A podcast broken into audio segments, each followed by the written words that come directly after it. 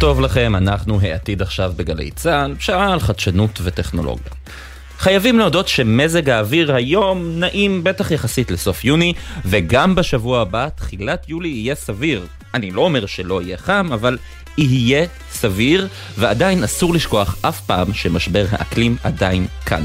כלכלני הבנק העולמי חיפשו דרכים להמשיך ולהגדיל את הצמיחה הכלכלית ולהתמודד עם משבר האקלים תוך כדי הזינוק באוכלוסיית העולם. ככה, למרות ההתחממות העולמית שפוגעת בחקלאות, צריך להאכיל הרבה יותר אנשים. הכלכלנים של הבנק פרסמו כמה המלצות שאמורות לאפשר לנו לעמוד במשימה הזו, גם כשהתחזיות נראות עכשיו קודרות. ההמלצה העיקרית היא להשתמש במשאבי הטבע שלנו בצורה יעילה וגם בפיתוחים טכנולוגיים. על הנייר זה נשמע רעיון טוב. הקצאת קרקעות יעילה וניהול נכון של מים למשל, באמצעות תוכנות מתקדמות שהן מבוססות על בינה מלאכותית, יכולים להזניק את ייצור המזון ואת הצמיחה הכלכלית העולמית. כאן מגיע גם האבל הגדול. קחו לדוגמה את ישראל שלנו, מדינה מתקדמת ומפותחת שממציאה פיתוחים טכנולוגיים אדירים שבהם משתמשים בכל העולם. אבל אנחנו למשל נכשלים בעמידה ביעדים שקבענו לעצמנו לייצור חשמל מאנרגיות מתחדשות. אז אם המצב בישראל ככה, מה אפשר להגיד על סין והודו, מדינות שהאוכלוסייה שלהן מגיעה כמעט לשלושה מיליארד בני אדם, ומדינות באפריקה, דרום אמריקה ועוד, שפשוט מנסות לשרוד ולא באמת חושבות על המחר. אני לא אומר שמסמכים כאלה לא חשובים, אבל כדי להציל את כדור הארץ, אנחנו צריכים קודם כל תיאום ושיתוף פעולה עולמי, ורק אחר כך טכנולוגיה. אנחנו העתיד עכשיו, אני ישראל פישר, מתחילים.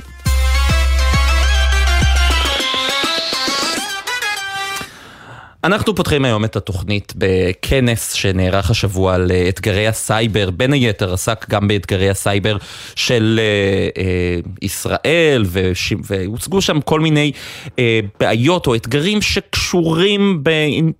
רשתות חברתיות ובינה מלאכותית ואיך אנחנו מתמודדים עם זה.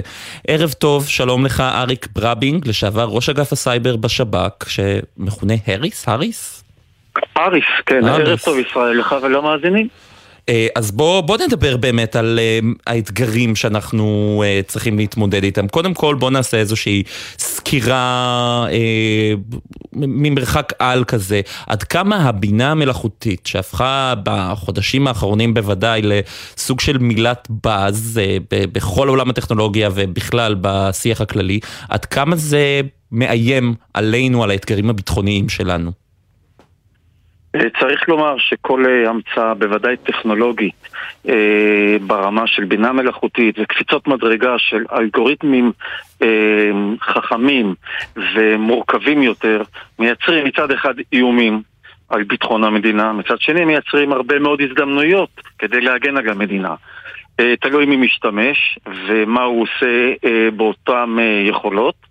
וישראל בהקשר הזה יודעת אה, לא מהיום, כבר תקופה די ארוכה, אה, להכין את עצמה כדי להתמודד למול האתגרים ולעשות המון המון דברים חדשים שלא ידענו ולא הצלחנו לעשות בעבר באמצעות הבינה המלאכותית. או, אז תן לי דוגמה למשל, כמו מה? זאת אומרת, אתה יודע, אנחנו מן הסתם לא יכולים להיכנס אה, לפרטים מסיבות אה, מובנות, אבל כמו מה, מה, מה למשל אנחנו יכולים לעשות עכשיו שלא יכולנו לעשות בעבר? ראשית, אנחנו נמצאים בתקופה של התפוצצות מידע, יש לנו עודף מידע שמגיע מעשרות אם לא מאות מקורות מידע, רשת חברתית, סנסורים, מצלמות, אה, מכשירים אחרים, שעונים חכמים, המון המון המון אמצעים שמייצרים מידע, בין אם הוא מידע של תוכן או מידע של נתונים. אה, אתה בעידן של התפוצצות מידע, והחוכמה של ארגוני ביטחון וארגוני ביון זה למצוא בסופו של דבר את המפגע הבודד, את החוליה המסוימת. בעולם של התפוצצות מידע, אם יש לך טכנולוגיה מתקדמת ואלגוריתמים חכמים שיודעים לעשות את העבודה במקום אותם אנליסטים שעשו אותה עד כה, אתה יכול להגיע מהר מאוד, או יותר מהר ממה שיש לנו, ממה שהיה בעבר, לאותם חשודים ולעצור אותם, לסכל אותם ולעשות איתם פעולות נוספות. כלומר, אותה מערכת יודעת לזהות באופן אוטומטי אה, מי באמת אה, מסוכן או עתיד או יכול אה, לעשות אה, איזשהו פיגוע ומי סתם אה, מתרברב למשל עם אה, חברים שלו על אה, זה שהוא אה, שונא או אה, כל מיני ביטויי שנאה שהוא מביע אה, בשיחות?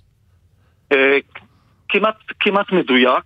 בסופו של דבר, בסופו של דבר אבל צריך את האדם, את האנליסט, שיושב אה, מול, מול מסך המחשב, שהוא יקבל בסופו של דבר את ההחלטה האם הוא מתרברב אותו בן אדם, או שיש בו סימנים נוספים שמאלצים אותנו לפעול כדי למנוע, לסכל או להרשות את הפעילות שלו. אבל הטכנולוגיה היום מאפשרת להנגיש את המידע לאותם אנליסטים שיושבים בארגוני המודיעין, שזה בעצם אחד מהתפקידנים החשובים ביותר שיש היום בשירות ובמוסד ובארגונים אה, נוספים בארץ ובעולם, והם נותנים לו את האפשרות הפשוטה יותר ממה שהייתה בעבר לקבל את ההחלטה הזאת, בהחלט. אנחנו רואים שלמשל בכל מה שקשור אה, בעידן ה... הרשתות החברתיות, תמיר בר, ראש אה, אה, המוסד, אה, ראש השב"כ, רונן בר, סליחה, התייחס השבוע לארגון גובה האריות, והוא אמר שזה ארגון שצמח בטיק טוק, ואנחנו רואים למשל שימוש ברשתות החברתיות לתיאום. אני זוכר שכשאני הייתי, סיקרתי את ההפגנות בהונג קונג שהיו ב-2018, אז הצעירים שם שיצאו להפגין, הם פחדו מהרשתות. הרשתות החברתיות הרגילות, והם אפילו פנו לאפליקציות כמו טינדר, אפליקציות עיקריות, כדי שם לתאם את הפעילויות שלהם. עד כמה השינוי הזה הוא הזדמנות או אתגר אה, אה, למערכות הביטחון? כי מצד אחד אולי אפשר לעלות על זה אה, עם יכולת ביטחונית, עם יכולות טכנולוגיות, ומהצד השני הרבה יותר קל למפגעים לתאם אלה עם אלה את הפעולות שלהם. אכן אנחנו נמצאים בעידן שהרשתות החברתיות והתווך האפליקטיבי, האפליקציות שיש לנו בסלולר, הפכו להיות כלי עבודה או כלי למפגשים, לתאומים, להסתרה ולהחבאה של מידע או של כוונות של כל מיני ארגונים. גובה האריות, שאין לו צבע אה, ארגוני מאוד בולט, אלא היא חבורה לוקאלית של אזור מחנה הפליטים אה, בלטה ובאזור העיר העתיקה בשכם, שם הם נמצאים אה, בעיקר. חמושים שהתחילו מלסגור חשבונות או, או לחסל כל מיני אה, אנשים שהיו מעורבים במעשים אה, לא מוסריים וכדומה והתפתחו והתפתחו עד שהם הגיעו לעימות עם כוחות הביטחון הישראלים. הם פעלו כל היום במרחב הזה של הטיק טוק משום שמי שרק מבצע אבל לא מפרסם את עצמו לצורך העניין כאילו לא עשה שום דבר. זה איום מצד אחד, אבל יש פה המון המון הזדמנויות, משום שכאשר אתה נמצא ברשת החברתית, אתה ארגון מודיעיני חזק, מודרני ומתקדם, ביכולות האלה אתה יכול לזהות הרבה מאוד מהפעולות האלה מוקדם יותר ולטפל בהם עוד לפני שמגיעים לעימות בירי או באיזה שהם אירועים מורכבים יותר כפי שחווינו לאחרונה. לסיום, אה, הערכה שלך, אתה מכיר את המערכת טוב מאוד, עד כמה אה, אנחנו היום מוכנים ויכולים אה, או ערוכים להתמודדות עם אותם שינויים שמטלטלים את העולם? אנחנו עוד לא, אולי אנחנו אפילו לא מבינים עדיין את הכוח והעוצמה של אותם כלים. אני חושב שישראל נמצאת במקום טוב מאוד, אבל אנחנו צריכים להיות גם צנועים וחייבים כל הזמן פריסקופ. אה, גבוה מאוד כדי לזהות מה קורה במרחב הדיגיטלי ובמרחב הסייבר שאין לו גיאוגרפיה ואין לו מרחק אלא יש בו פיתוחים בהרבה מאוד מקומות והחוכמה היא לפתח סנסורים שיודעים לזהות מה הדבר הבא. לעיתים, צריך לומר, שאנחנו מזהים תופעה חדשה, יכולת חדשה, אבל מתברר שאחרי תקופה קצרה הציבור, האנשים, האלגוריתמים פשוט לא מעניינים האפליקציה הזאת נזנחת. החוכמה היא באמת לזהות מה הדבר הבא, להתחבר איתו מוקדם ככל הניתן, כולם יודעים איך עושים את זה, לשהות שם ולחכות לראות מי מאותם אנשים רעים, במרכאות חשודים וכדומה, יגיעו לשם וישתמשו בה, ואז האיום הופך לסוג של הזדמנות מבצעית. ארי ברמינג, לשעבר ראש אגף הסייבר בשב"כ, האריס הכינוי שלך. תודה רבה לך וערב טוב. ערב טוב, תודה.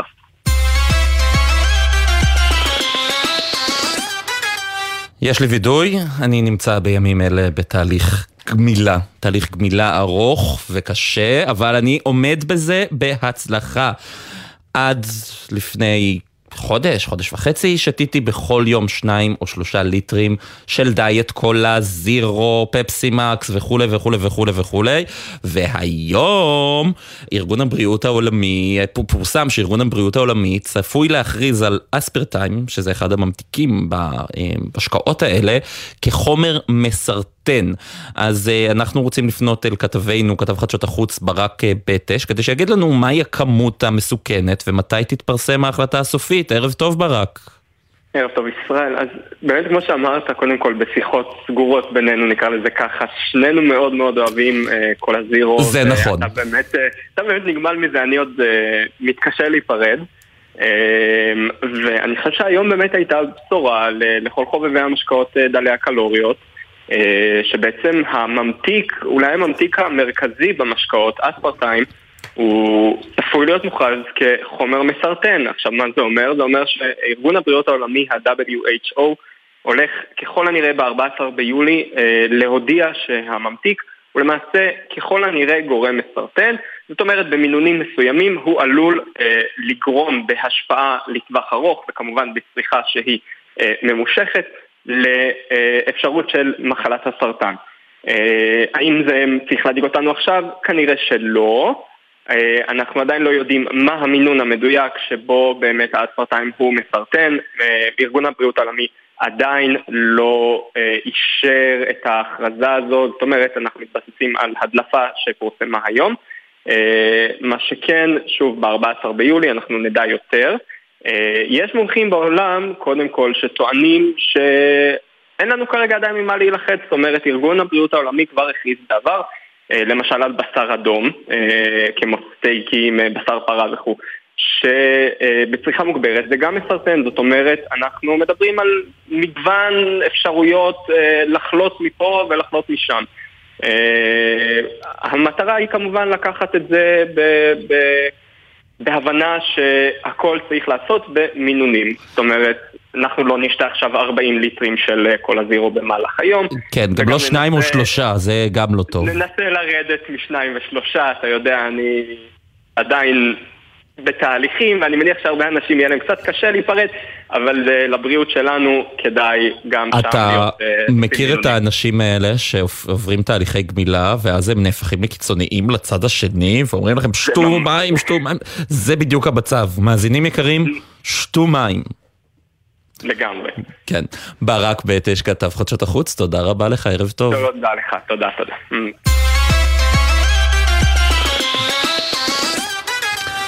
מה זה אוכל? זו שאלה טובה. אנחנו ננסה אה, להגדיר קצת מה זה אוכל, בטח בעידן שיש כל כך הרבה שינויים. או עתיד, עתידיים בכל מה שקשור לאוכל ואיך תיראה הצלחת שלנו בעתיד. השבוע היה, אה, אה, במסגרת שבוע עיצוב בירושלים, היה פאנל על הגבולות האכילים שבין תרבות לטכנולוגיה. אה, אנחנו רוצים אה, לפנות לשניים בנושא הזה. קודם כל, אה, נעמה ניקוטו, ניק, ניקוטרה, שלום, אמרתי את ה... מה? ניקוטרה, זה היה ממש ניק, קרוב. ניקוטרה, זה היה ממש קרוב, אוקיי, יופי. את מעצבת בתחום הזה, וג, וגם אה, ג'רמי פוגל, שהוא המנהל האומנותי של אה, שבוע עיצוב ב, בירושלים. שלום לך, ערב טוב. שלום רב, ערב טוב, וערב טוב שוב לנעמה ולמאזינות ולמאזינים, שלום רב. אז אה, ג'רמי, אני רוצה להתחיל איתך. באמת עם כן. השאלה הכי פשוטה שיש, מה זה אוכל? כן. אין לי שמץ של מושג איך לענות את זה באופן אה, שימצה את השאלה. אני חושב שהשאלות הבסיסיות האלה הן המעניינות תמיד ביותר. אני גם חייב לבוא ולהגיד שהנושא שאני טיפה פחות בור בו זה פילוסופיה, אולי פילוסופיה יהודית מודרנית בפחת.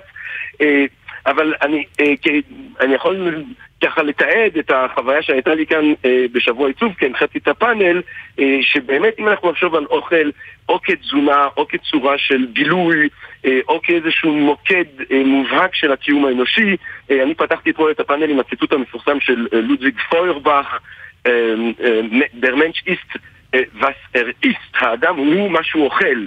כן, לוזי דבורבק שהרי מפורסם בזה שהוא דיבר על כך שאלוהים הוא השלכה של רצוננו ושל ערכינו כלפי מעלה, זאת אומרת שהתמקד באדם הארצי, אומר שבעצם אם נחשוב בצורה ארצית על האדם, הרי שהאדם כייצור שחושב, שהוגה, שיש לו רעיונות, הבסיס של כל זה זה התזונה, ממש בצורה הכי מילולית, לא כמשל. התזונה שנכנסת בנו אה, הופכת להיות אנחנו, זה הופכת להיות מה שאנחנו הופכים להיות. על כן אני חושב שאתה מאוד צודק שהתחלת אה, בציון דרך הזה אה, של המהפכה הדיגיטלית, של המהפכה הטכנולוגית המדהימה, המרהיבה, הקצת מבהילה שאנחנו חווים, בעיניי המהפכה הרדיקלית ביותר מאז המהפכה החקלאית שכוננה את עצם אה, הציוויליזציה שלנו, ובעצם הסוגיה שניסינו לחשוב ככה ביחד עם אנשים שבאמת מתמחים בתחום, שלא כמוני, זה איך בהינתן השינויים הכה דרמטיים שהאנושות עוברת בכל התחומים, איזה סוג של שינויים אנחנו צריכים לצפות להם אה, בתחום האוכל ובתחום המזון. אז אני רוצה רגע להתחיל איתך עם אה, דוגמה פשוטה. אני רגיש ללקטוז, שותה עם הקפה שלי בבוקר חלב סויה. זה חלב? כן. תראה, אני, הדיון הזה אני חייב להגיד שהוא גם נוגע בי אה, מסיבה אחרת, היות ואני טבעוני, או טבעונצי, כמו שאני אוהב להגיד. אמ, אני, אני, אני אגיד שני דברים. אני חושב שמצד אחד בעיניי זה אה, שאלה סמנטית, כי הרי ברור שבסופו של דבר שטיב החומר שאנחנו באופן מסורתי קראנו לו חלב, דהיינו חלב שמגיע מפרות שסובלות סבל נורא, אה, אה, הוא שונה מטיב החומר שאנחנו קוראים לו חלב סויה או אה, חלבים אחרים. אה, השאלה אה, היא מבחינתי בצורה מסוימת היא שאלה סמנטית, תקרא לזה חלב, אל תקרא לזה חלב, זה לא משנה, זה מה שאני אשתמש בו. אני כן מעוניין שיהיה את הרשות לקחור גם לזה חלב, בגלל שאני מעוניין להקל על אנשים לעשות את המעבר הנחוץ בסופו של דבר מתזונה שהיא על בסיס אה, אה, אה, החי לתזונה שהיא על בסיס הצומח, מתזונה שהיא מזיקה אה, מוסרית ולסביבה לתזונה שהיא פחות מזיקה. על כן השימוש במונח חלב בעיניי ברמה הפונקציונלית הוא מוצדק לחלוטין, הרי בסופו של דבר זה איזשהו סוג של נוזל שאיתו אתה יכול לעשות את אותן הפעולות שאתה יכול לעשות עם החלב המסורתי. אתה יכול לשים את זה בקפה, אתה יכול לשים את זה עם הדגנים של הבוקר, אתה יכול לשים את זה בתה, אתה יכול לעשות עם זה כל הדברים שהיה אפשר לעשות עם החלב ההוא, ועל כן בעיניי מבחינה פונקציונלית זה בסדר גמור לקרוא לזה גם חלב. אז אה, נעמה, אני רוצה רגע לעבור אלייך. יש לך אה, תערוכה שאת מנסה להגדיר באמצעות אומנות את ההגדרות, את ה... מה אנחנו מבינים בעצם בהגדרות של אוכל שאנחנו מכירים? מה זה אומר בעצם? אז ערב טוב וכיף גדול לדבר איתך וגם עם ג'רמי ערב שני ברצף. אמ, התערוכה שמוצגת אה, בשבוע העיצוב, היום היום האחרון, אם מישהו עוד רוצה להספיק לבקר בה, אמ, מדברת בדיוק על זה. אמ, עבדתי יחד עם אה, תשעה מהחברים הטובים שלי מהלימודים, למדנו יחד עיצוב תעשייתי, וכשניגשנו לפרויקט הזה, התחברנו לארבע חברות פודטק ישראליות. חברות שמייצרות מזון שהוא במקור מן החי, אבל הן מייצרות אותו או בצורה של אה, תרביות טעים, ב, כלומר אוכל מתורבת, סל בייסט, או הם בצורה צמחית. וחשבנו שהמזונות האלה כבר לא מוגבלים לצורה של בעלי החיים. כלומר... מאחר והם כבר לא מגיעים מבעלי חיים. למשל, אה, הביצה, הצורה שלה היא מאוד הגיונית כי היא מוטלת על ידי תרנגולת. אה, הצורה שהיא מאוד אה, מחליקה, הצורה של חלבון שעוטף חלמון אחד, תא בודד, אבל עכשיו בעצם כשהביצה מיוצרת בצורה צמחית או מתרביות, אה, היא כבר לא צריכה להיות כזאת, כלומר היא כבר לא חייבת להיות כזאת. אה, וחשבנו גם כשניגש בעתיד המאוד לא רחוק לקנות מוצר שהוא כזה, שישב אולי ליד הביצה שהתרנגולת הטילה ואולי בכלל בסקשן אחר בחנות אחרת, אנחנו נרצה לזהות איזשהו הבדל. אמ, אז בביצה יש את אחת הדוגמאות הקורצות ביותר. אה, עשינו ביצה עם הרבה חלמונים. חשבנו איזה כיף זה לפוצץ, לפוצץ את החלמון ולאכול אותו לארוחת בוקר עם הלחם. אז עשינו ביצה עם המון המון חלמונים שאפשר לפוצץ על כולם, את כולם, שמרפררת באמת לביצה המקורית, אבל אנחנו רואים שהיא משהו קצת אחר. או למשל סטייק פיקסל. סטייק שגם הוא מורכב משומן ושריר, אה, מתאים של פרה, אבל הוא מחולק לריבועים ריבועים בצבעים שונים, וכל צבע מספר לנו ממש מה נאכל. בצורה הזאת יצרנו בעצם ארבע סקלות. אה, את המאכל המקורי, ואחר כך אה, דילוגים של אותם מאכלים לצורות חדשות ורחוקות ממה שאנחנו מכירים. והתערוכה הזו שואלת את המבקרים, מה תרצו לאכול? האם תרצו לאכול את מה שאתם כבר מכירים, או שתרצו להתנסות באיזושהי צורה חדשה? אמ, אבל זה, זה, בדיוק, זה בדיוק העניין, אולי אני אפנה את זה לג'רמי. יש המבורגר שאני מכיר את הצורה של ההמבורגר שהוא בא עם הלחמנייה ובטח בפרסומות שמזייפות לנו קצת את איך שזה נראה במציאות עם החסה שיוצאת מהצדדים. אני מכיר את הצורה הזו, אני אוהב את הצורה הזו. האם המבורגר שלא נראה כמו ההמבורגר שאני מכיר בתפיסה שלי, יכול להיות שהוא טעים בדיוק אותו דבר אבל הוא לא נראה אותו דבר, האם הוא יהיה לי גם טעים באותה צורה? או האם אני אסבע מזה או אהיה מסופק מזה? זאת שאלה מעולה ושאלה שבאמת עלתה ככה בפאנל ושוב אני רוצה אה, לחזור אחרי מה שנעמה אמרה ולעודד אנשים שעוד מספיקים לבוא לבית אנסון היום, לבוא לראות אה, גם את התערוכה אה, שנעמה, גם היצירה של נעמה יצחה כאן, גם לשאר התערוכות, אבל ביצירה של נעמה באמת היא מציעה לקהל את האפשרות של אה, סטייק שנראה כמו פיקסלים, את האפשרות של המבוגר שנראה שונה לחלוטין, ובאיזשהו מדרג מאוד יפה, מי המוכר להרבה פחות מוכר, לעתידני, לשונה, ליצירתי. זאת שאלה מאוד גדולה אם אנשים אה, זקוקים במזון שלהם למה שמזכיר את בית סבתא, את הבית של אבא, את הבית אה, שגדלת בו, מה שלא יהיה, אה, או שהם מוכנים ככה לאתגר את עצמם. ואני מניח שצריך איזה שילוב של השניים. אה, דיברנו גם עם המסעדן אה, רב רב ממסעדת OCD אה, ביפו, שדיבר שהוא מחפש דווקא לאתגר את ה... את הלקוח שבא לאכול אצלו, זו מסעדה שמציעה בעצם סוג של חוויה, שהיא חוויה שצריך לחשוב עליה אולי במונחים אומנותיים. ואומנות מצד אחד תמיד נותנת אולי משהו מוכר, אבל תמיד גם מאתגרת, ותמיד מחפשת אולי להציע לנו איזשהו סוג של מבט שונה, מבט אחר, על דברים שאנחנו אה, לוקחים כמובנים מאליהם. אז אני חושב שיש איזשהו איזון ביניהם, אה, ויש איזושהי דיאלקטיקה בין המוכר אה, למפתיע, בין הרגלים שאנחנו נשענים עליהם לבין הרפתקאות חדשות שאנחנו יכולים לצאת אליהם, אם באומנות ואם בתזונה. עוד פעם, נעמה, למשל יש אחד הפיתוחים שקיבלו אה, הכשר של הרבנות הראשית אפילו, זה אפילו אין פה בעיה של כשרות, זה קמח חרגולים.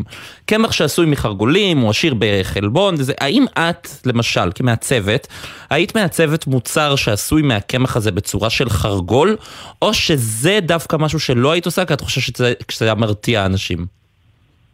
אמ, זאת שאלה ממש מצוינת, אני חושבת שבדיוק בשאלה הזו ששאלת יש לעיצוב הרבה כוח אמ, באיך אה, אנחנו רואים את הדברים ומה אנחנו מחליטים לאכול. הרי בסוף החוש האחרון שאנחנו משתמשים בו בבחירת מזון הטעם, אנחנו קודם מסתכלים, אולי מריחים, אולי נוגעים, אולי אפילו שומעים. אמ, אני חושבת שדווקא בגלל שבתרבות המערבית יש תרבויות אחרות בעולם שחרגולים אצלן זה חלק מהתפריט, אבל דווקא בתרבות שלנו, בגלל שזה כל כך רחוק, הייתי מוצאת הרבה דרכים אחרות לתווך את זה. כלומר, מדובר בחלבון מחיה, ואנחנו רגילים לאכול חלבונים מבעלי חיים, אז את התיווך הזה הייתי עושה באמת דרך איזה שהם מוצרים שמוכרים לנו יותר תחת הסקשן הזה. אמ, אני חושבת שיש פה גם הרבה עניין של אה, אה, שינוי של אה, אופי הצרכנים, כלומר איזושהי התרגלות שלהם למציאות חדשה. אם פעם היו דברים שלא היינו נוגעים בהם ועכשיו הם קצת יותר רווחים, אז, אז אולי התהליך יהיה דומה, ואני חושבת שאחת הדוגמאות המעניינות הם דווקא ההמבורגרים הצמחוניים שמגיעים גם בצורה של המבורגר אמיתי, אבל הם מגיעים כבר עם פסי הצריבה. כלומר, הם ממש רוצים לספר לנו, אני הדבר הכי קרוב שתקבלו להמבורגר אה, שאתם לא אוכלים עכשיו, להמבורגר אה, מבעלי החיים. אה, ואני חושבת שתיווך כזה מאוד מעניין לעשות עם, עם חלבון חדש כמו חלבון חרגולים. איך להפוך אותו למפתה. אבל עדיין להשאיר איזושהי קריצה לזה שזה לא משהו שאנחנו מכירים, זה משהו קצת חדש. כן, האמת שזה מרתק, אנחנו, מהפכת הפודטק הזו, הגיע הזמן שגם נשנה את החשיבה שלנו על אוכל. נעמה ניקוטרה, עכשיו אמרתי בסדר?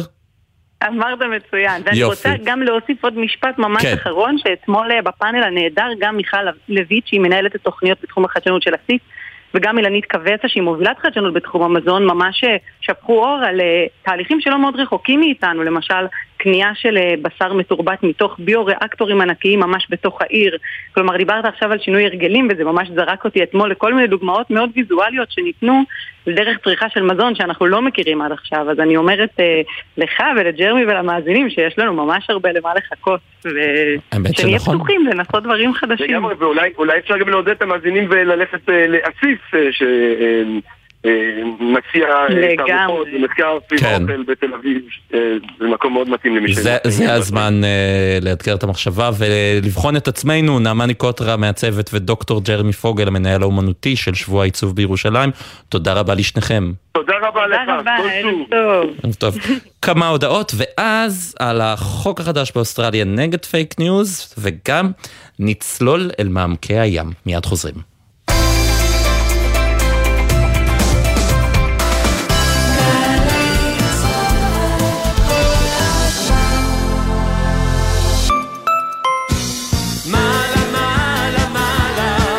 מעלה מעלה, מופע מחווה למלך הפופ צביקה פיק.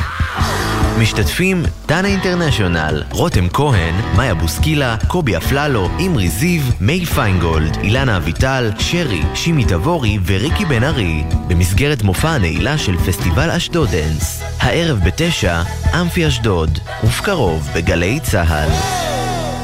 עם מי הייתם רוצים לשבת לקפה? קפה כזה של שבת בבוקר. ברגע של נחת, שאפשר לדבר על הכל. נורית קנטי מזמינה אתכם להצטרף אליה בכל שבת ב-8 בבוקר לשיחה אישית עם דמויות מפתח בחברה הישראלית. והפעם הדוקטור שמחה גיטהון, יושבת ראש מרכז מורשת יהדות אתיופיה. שמונה לקפה, שבת, שמונה בבוקר, גלי צה"ל. מתגעגעים לילדות? למשחקים? להשתולל עם חברים? או להתווכח? עכשיו בחופש הגדול, זה בדיוק הזמן להרגיש שוב כמו ילדים. בן פראג' ושחר אמנו מחזירים אתכם לילדות במסע מוזיקלי מרגש עם שירי הילדים של הגדולים ביותר. שבת, 12 בצהריים, גלי צה"ל. עכשיו בגלי צה"ל, ישראל פישר עם העתיד עכשיו. בית של החיילים, גלי צה"ל.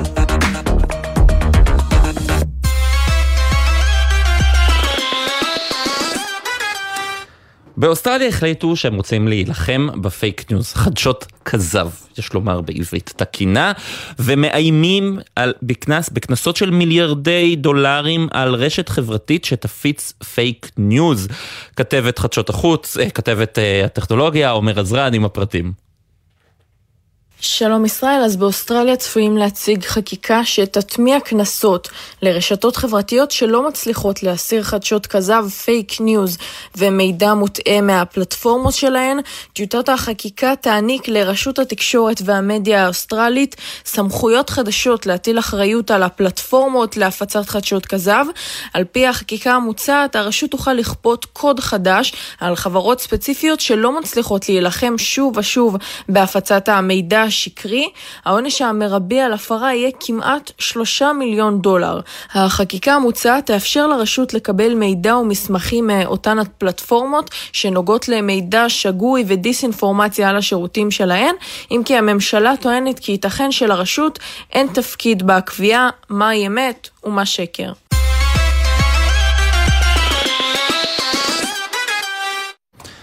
בעקבות אה, אסון הצוללת שאירע בשבוע שעבר, ובאמת אה, משך תשומת לב רבה, גם כי זה מאוד מפחיד אותנו לחשוב, אבל אני חושב שגם בגלל שאנחנו מאוד סקרנים לגבי מה שקורה שם במעמקי הים, אנחנו לא כל כך יודעים עדיין. מי שאולי יכול לתת לנו קצת תשובות הוא פרופסור איציק מקובסקי מבית הספר למדעי הים באוניברסיטת חיפה, שלום, ערב טוב.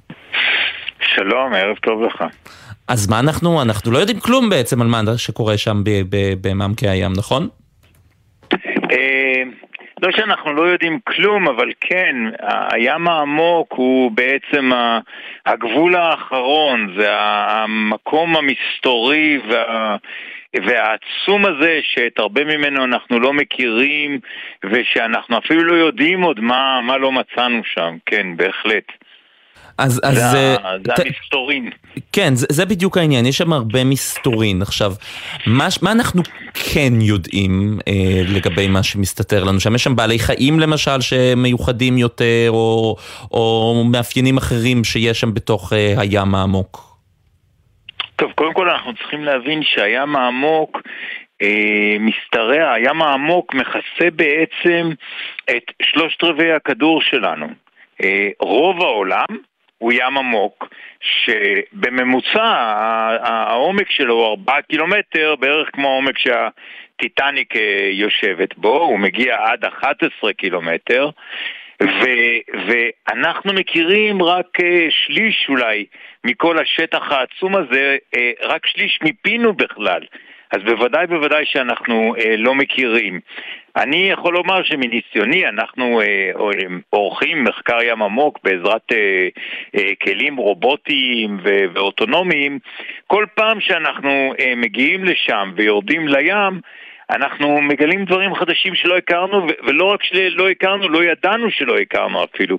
דברים שהם לגמרי זה, כל הזמן מגלים מינים חדשים, אה, יכול להיות שאנשים שמעו על, ה, על התגלית של אה, אה, מדגרה עצומה של קרשי עומק מול תל אביב, ש, שעליה דיווחנו ב-2021, ממש קרוב, לא 60 קילומטר מהחוף, לא באמצע האוקיינוס העצום, אלא ממש במים הביתיים שלנו. אז כן, הים העמוק הוא, הוא, הוא אזור שאנחנו לא מכירים ולא מבינים. מה שעוד יותר חשוב זה שהים העמוק הוא, הוא גור... אנחנו לא מבינים עד כמה הוא גורלי לחיינו.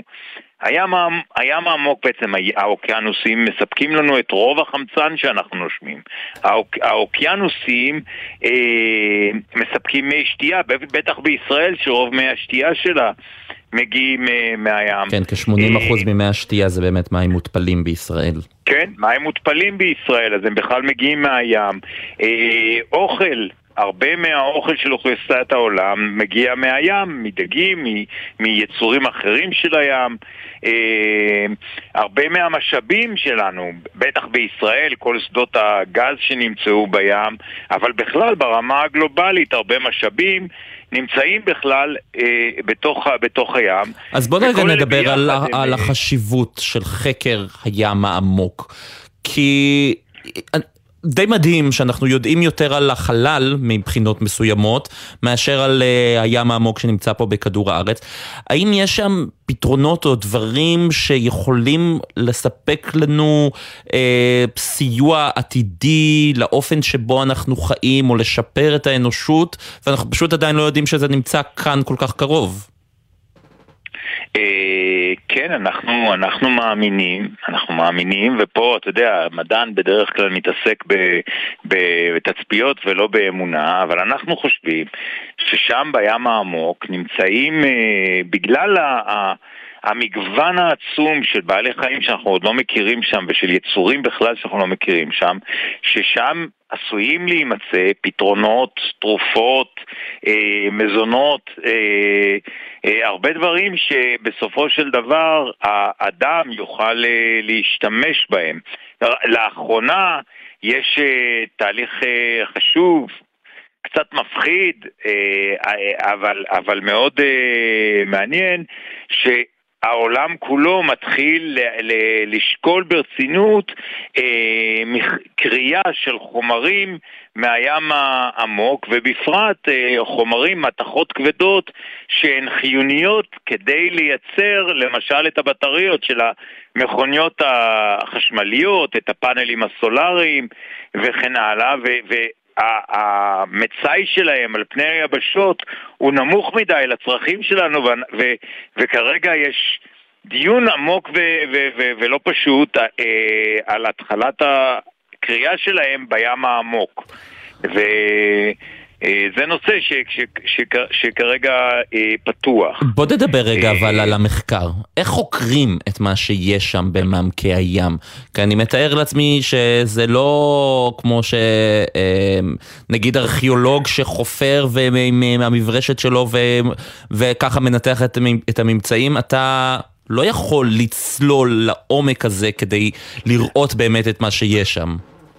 אז כן, חשוב לומר שכבר הרבה מאוד שנים שעיקר המחקר, המחקר האמיתי והעבודה האמיתית בים העמוק לא מתבצעים על ידי ירידה של אנשים. זאת אומרת, מה שקרה לצוללת הזאת זה צוללת של תיירים שמטרתה הייתה הסכנה, ההרפתקה. אבל אנחנו, כשאנחנו עובדים בים העמוק, אנחנו עובדים בעיקר עם כלים אה, רובוטיים, שאותם אנחנו אה, מורידים לקרקעית הים, חלקם אה, זה רובוטים שמחוברים בכבל אל הספינה, ואז בזמן אמת אנחנו יכולים אה, לראות ולשלוט בכלי, ואפילו יש לנו זרועות שם ומצלמות. ואנחנו מסוגלים אה, לאסוף דוגמאות, למדוד, אה, לצלם אה, ואפילו לבנות ניסויים במקום ב- בים, ו... שלב הבא זה מכשירים שאותם אנחנו שולחים, צוללות שאותן אנחנו שולחים כמו גשושיות ששולחים למאדים. זה כלים שנקראים אוטונומיים, כלומר שהם בעצמם שולטים בעצמם כן. והם יוצאים ל, ל, למשימה ומבצעים את המשימה בעצמם. עכשיו זה כמו, כמו שב... ככלי שנשלח למאדים, כשמרכז הבקרה... כן. אה, מקבל ממנו מידע, הכלי כבר לא נמצא שם, כי לקח הרבה זמן למידע להגיע מהכלי אל המרכז, וכשהוא יקבל הוראה, הוא כבר לא יהיה איפה שהוא היה כש... כן. כשהתכוונו לזה. אז הוא צריך להיות כלי חכם שידע לעשות דברים בעצמו בזמן הזה, וככה ו... בדיוק אנחנו עובדים עם כלים אוטונומיים בים. ואין ספק אה, שהטכנולוגיה... כלים שצריכים אפילו לעשות החלטות. אין ספק שהטכנולוגיה משרתת פה את המדע. פרופסור איציק מקובסקי מבית הספר למדעי הים באוניברסיטת חיפה, תודה רבה לך, היה מרתק. תודה רבה לך.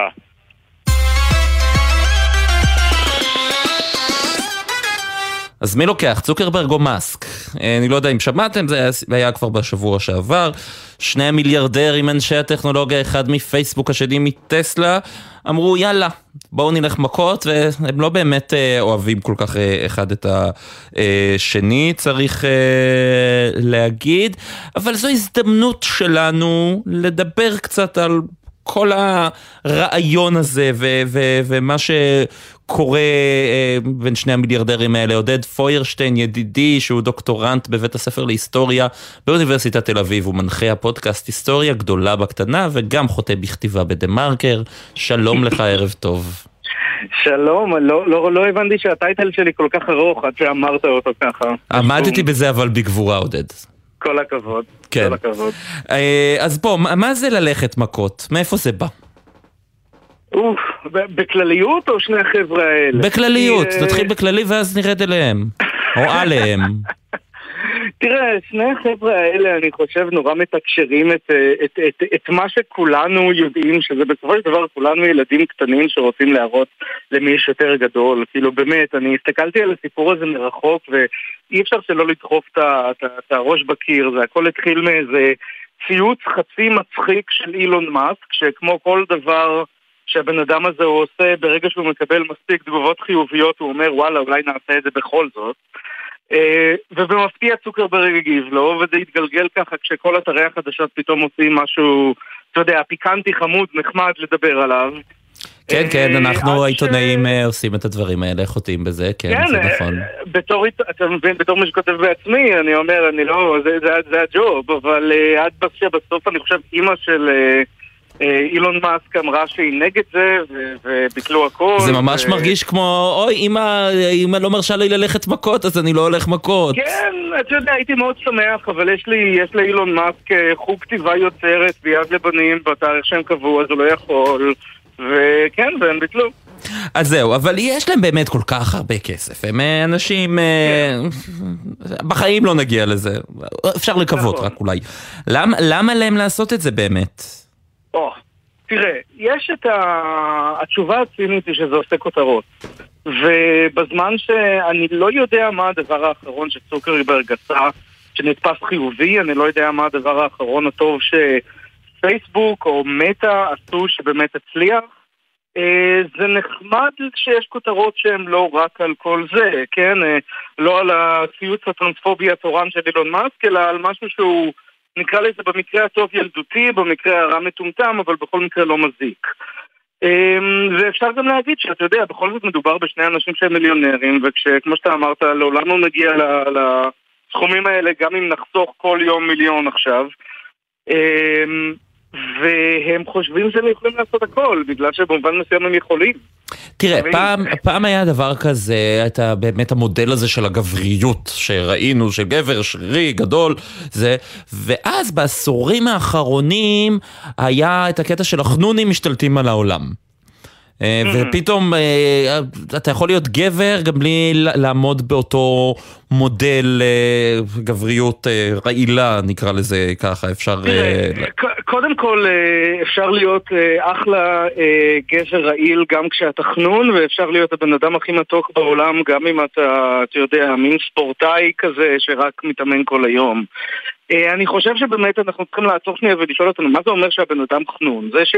זה שצוקרברג מבין בתכנות, זה עושה אותו חנון כי הבן אדם גם מתאמן והבן אדם גם עושה כושר והבן אדם אוכל בריא והבן אדם זה שהוא חכם לא עושה אותו אה, נטול איזושהי אה, אה, אינטליגנציה רגשית או שבהכרח יש לו אותה. אותו דבר מאסק, כן? מאסק נורא רוצה גם למתג את עצמו כמין אה, איירון מן כזה, טוני סטארק, כן? שילוב של סטיב ג'ובס ואני לא יודע מה. אמ, הדיכוטומיה הזו שאו שאתה חנון חלשלוש שכל הבנות אה, שונאות או שאתה החתיך הטמבל היא באמת דיכוטומיה שאני חושב ככה לא באמת, לא רק שהיא לא נכונה, היא גם לא באמת הייתה קיימת להרבה זמן, כן? זה בסרטים היה, אני לא יודע כמה זה באמת במציאות. כן, אבל הנה אנחנו רואים פה אה, שוב איזשהו ניסיון של אה, שני החבר'ה האלה אה, להציג את הדבר הזה, אבל הזכרת באמת את אה, איירון מן ואת כל אה, תחום הקומיקס. הוא גם תחום שכן אה, השתנה קצת ו- ושינה מאוד את התרבות האמריקאית, כי הוא כן העלה לקדמת הבמה, אני מנסה למשל, אה, אה, יש הרבה מאוד דוגמאות, כן העלה לקדמת הבמה, עם X-Men למשל, את המוזרים והחריגים שמצילים את נכון. האנושות בסופו של דבר. אפשר גם להסתכל על זה במובן יותר רחב, שקומיקס הפך למשהו מיינסטרימי בעשורים האחרונים, וגם אם לא הקומיקס עצמו, הסיפורים האלה, כן? הסרטים הכי מרוויחים זה של מארוול, ו-DC סוג של מנסים גם, ויש שיגידו שהם לא בהכרח מצליחים. אה, כן, כלומר, יש לנו, אני חושב, בשני העשורים האחרונים את התחושה המאוד חזקה הזו של מה שנקרא נקרא, נקמת היורמים, שכל הנושאים הנישתיים האלה פתאום נהיו המיינסטרים. אמ, אני חושב שספציפית, כמו שאתה הזכרת את אקסמן, אני חושב שה... אמ, אני גדלתי על אקסמן המצויר, אתה לא מבין איך אהבתי את הסדרה המצוירת. אני עכשיו אגב עושים לה חידוש, אני לא יודע אם אתה יודע. או, וואו, לא ידעתי את זה, אתה מספר לי פה חדשות טובות, זה טוב, זה כן, טוב. כן, עושים חידוש מצויר, אני לא זוכר איפה זה ישודר, נראה לי בדיסני פלוס. אמ, אה, אבל כן, זה, אה, עושים לזה, וגם הם הולכים להיכנס ליקום של מארוול בשלב כלשהו. אמ, המסר הזה שחריגים יכולים להיות החבר'ה הטובים, הוא, אני לא חושב שהוא כזה מסר חדש, אני חושב אבל שיותר הכניסה של האקסמן עצמם, הכניסה של גיבורי על אה, לתרבות שלנו היא גם אבל פחות עדות, אתה יודע, זה לא שהחנונים נהיו דומיננטיים, כמו שפשוט הגבול של מה זה חנון ומה זה לא חנון קצת השתנה, אני בטוח שהיום בבתי ספר אה, יש ילדים שמכפכפים אותם על אה, דברים כאלה ואחרים וזה לא בהכרח כי הם נראים כמו הדימוי הזה של הלפלף הלבנוון שאוהב קוטג' והולך עם משקפיים. ואני אומר את זה בתור לפלף לבנוון שאוכל קוטג' והולך עם משקפיים בעצמי. אה, כן, שנינו חנונים, אנחנו מכירים אה, זה את זה, אנחנו צריכים אה, לקבוע לעצמנו מתישהו איזו בירה של חנונים. עודד פוירשטיין. או ללכת מכות. או ללכת מכות, אנחנו יכולים גם ללכת מכות, אבל זה יהיה מביך. אם מישהו יצלם את זה לסרטוני רשת, אני בטוח שזה יצבור אחר כך מלא צפיות, ואולי ככה אנחנו נהפוך לעשירים. זה גם יכול להיות. אינשאללה. כן, עודד פוירשטיין, תודה רבה לך. תודה רבה לך. טוב.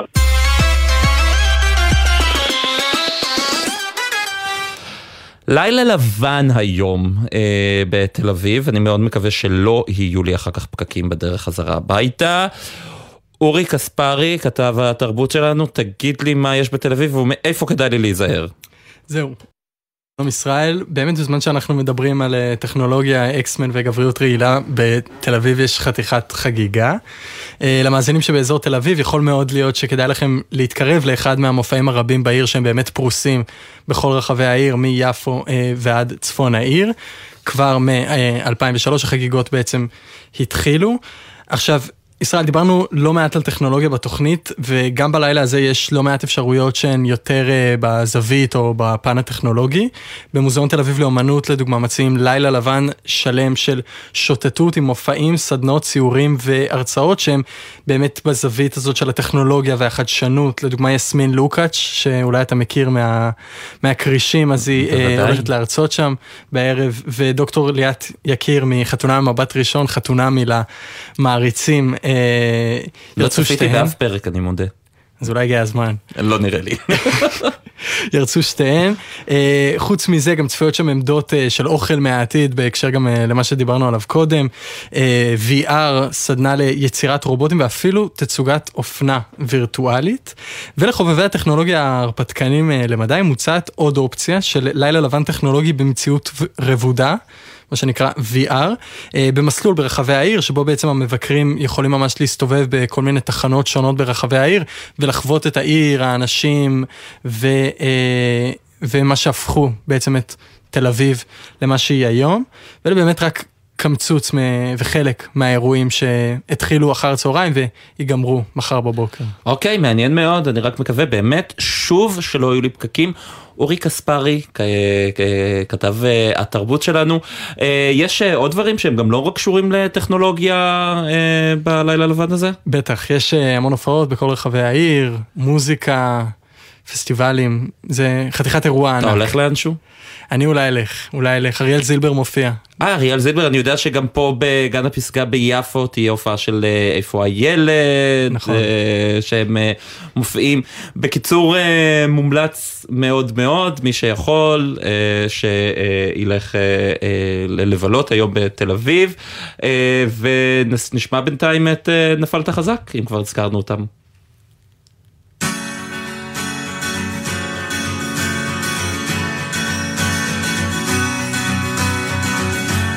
אישה שאומרים לך אל תיקח ממנה דבר. תמיד היא תמכור לך סם אהבת אמת. כמו בסמים תיפול נופלים החיים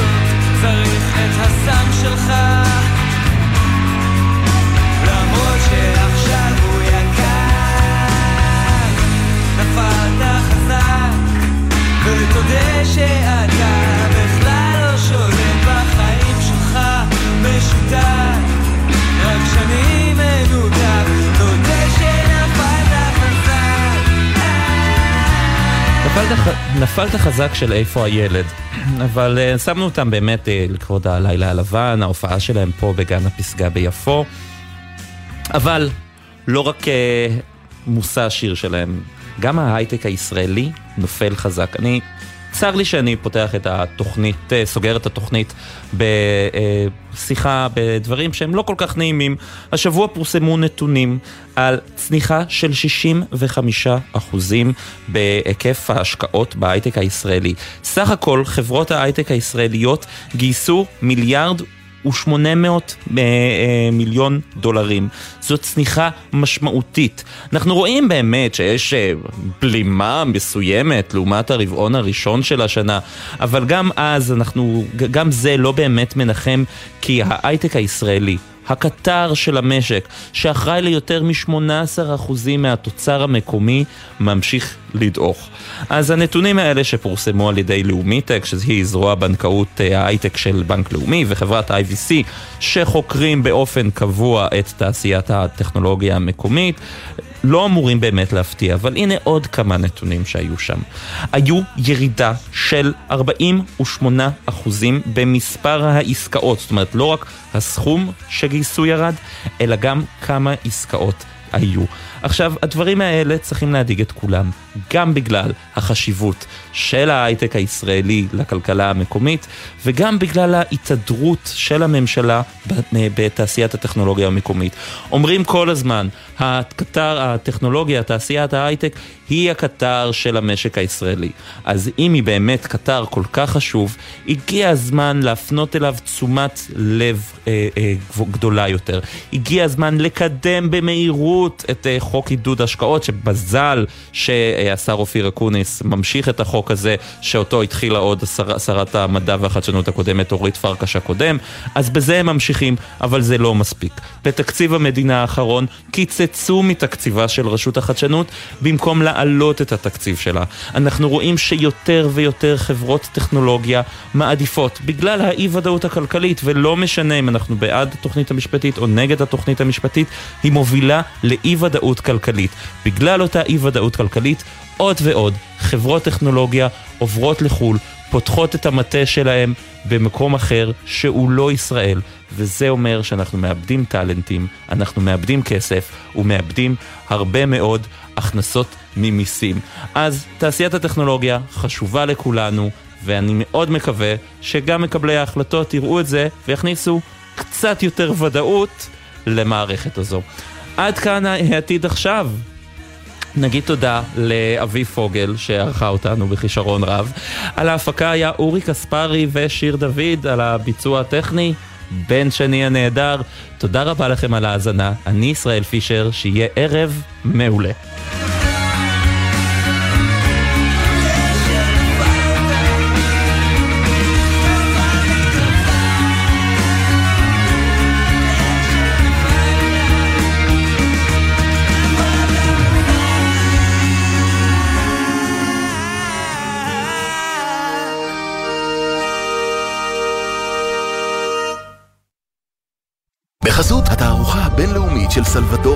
ביתן 2, אקספו תל אביב. בחסות אייס, המציע את ACE and Move, שירות חדש להובלות דירה בלי הפתעות במחיר. וגם שוברים בשווי אלף שקלים למימוש בסניפי אייס. פרטים בסניפים ובאתר, כפוף לתקנון.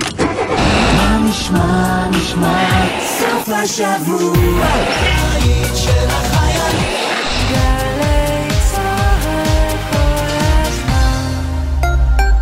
עתודה אקדמית, בחירה של מצוינות. בוגרי כיתה י"א, אתם חולמים להצטיין? מצוין. מעוניינים לשלב לימודים אקדמיים עם שירות צבאי כקצינים? מצוין. בואו לכנסי המידע המתקיימים במהלך חודשי יוני-יולי באוניברסיטאות ברחבי הארץ וגלו מסלול שיאפשר לכם להתקדם לתפקידים מובילים בצה"ל, בתעשייה ובהייטק. לפרטים ולהרשמה חפשו עתודה אקדמית. עתודה אקדמית, בחירה של מצוינות. חטיבת השריון 188 מציינת 50 שנה למלחמת יום הכיפורים ומזמינה אתכם לעצרת החטיבה שתתקיים בט"ו בתמוז 4 ביולי בשבע וחצי בערב באתר המורשת של החטיבה במחנה הלקה. בואו לציין איתנו 50 שנה למלחמה ולחלוק כבוד לאנשים שבזכות גבורתם ועוז רוחם עמדו איתן והותירו לנו מורשת של גבורה מפוארת. מצפים לראותכם. אוניברסיטת בר אילן גאה להשפיע, להשמיע, להפתיע. ואתם?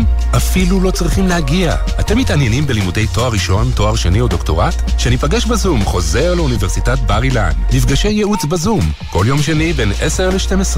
חפשו בגוגל.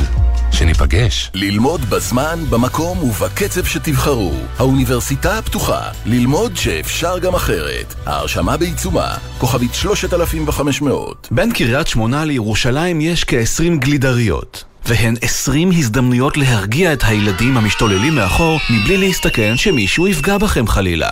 אז בנסיעה הבאה אל תעצרו בשולי הכביש ואל תסכנו את החיים שלכם וחיי ילדיכם. הרלב"ד מחויבים לאנשים שבדרך. תזמורת ירושלים, מזרח ומערב, מארחת את אבי ומדינה, במסגרת סדרת המופעים דיוקן אומן, תחנות בזמן.